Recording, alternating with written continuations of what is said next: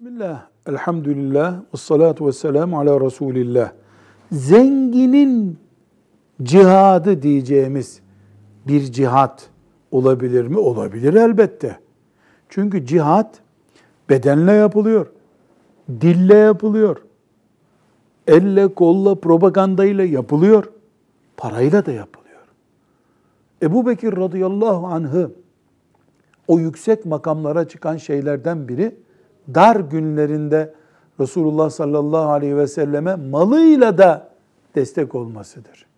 Ebu Bekir'in malından çok istifade ettiğine işaret ediyor sallallahu aleyhi ve sellem Efendimiz.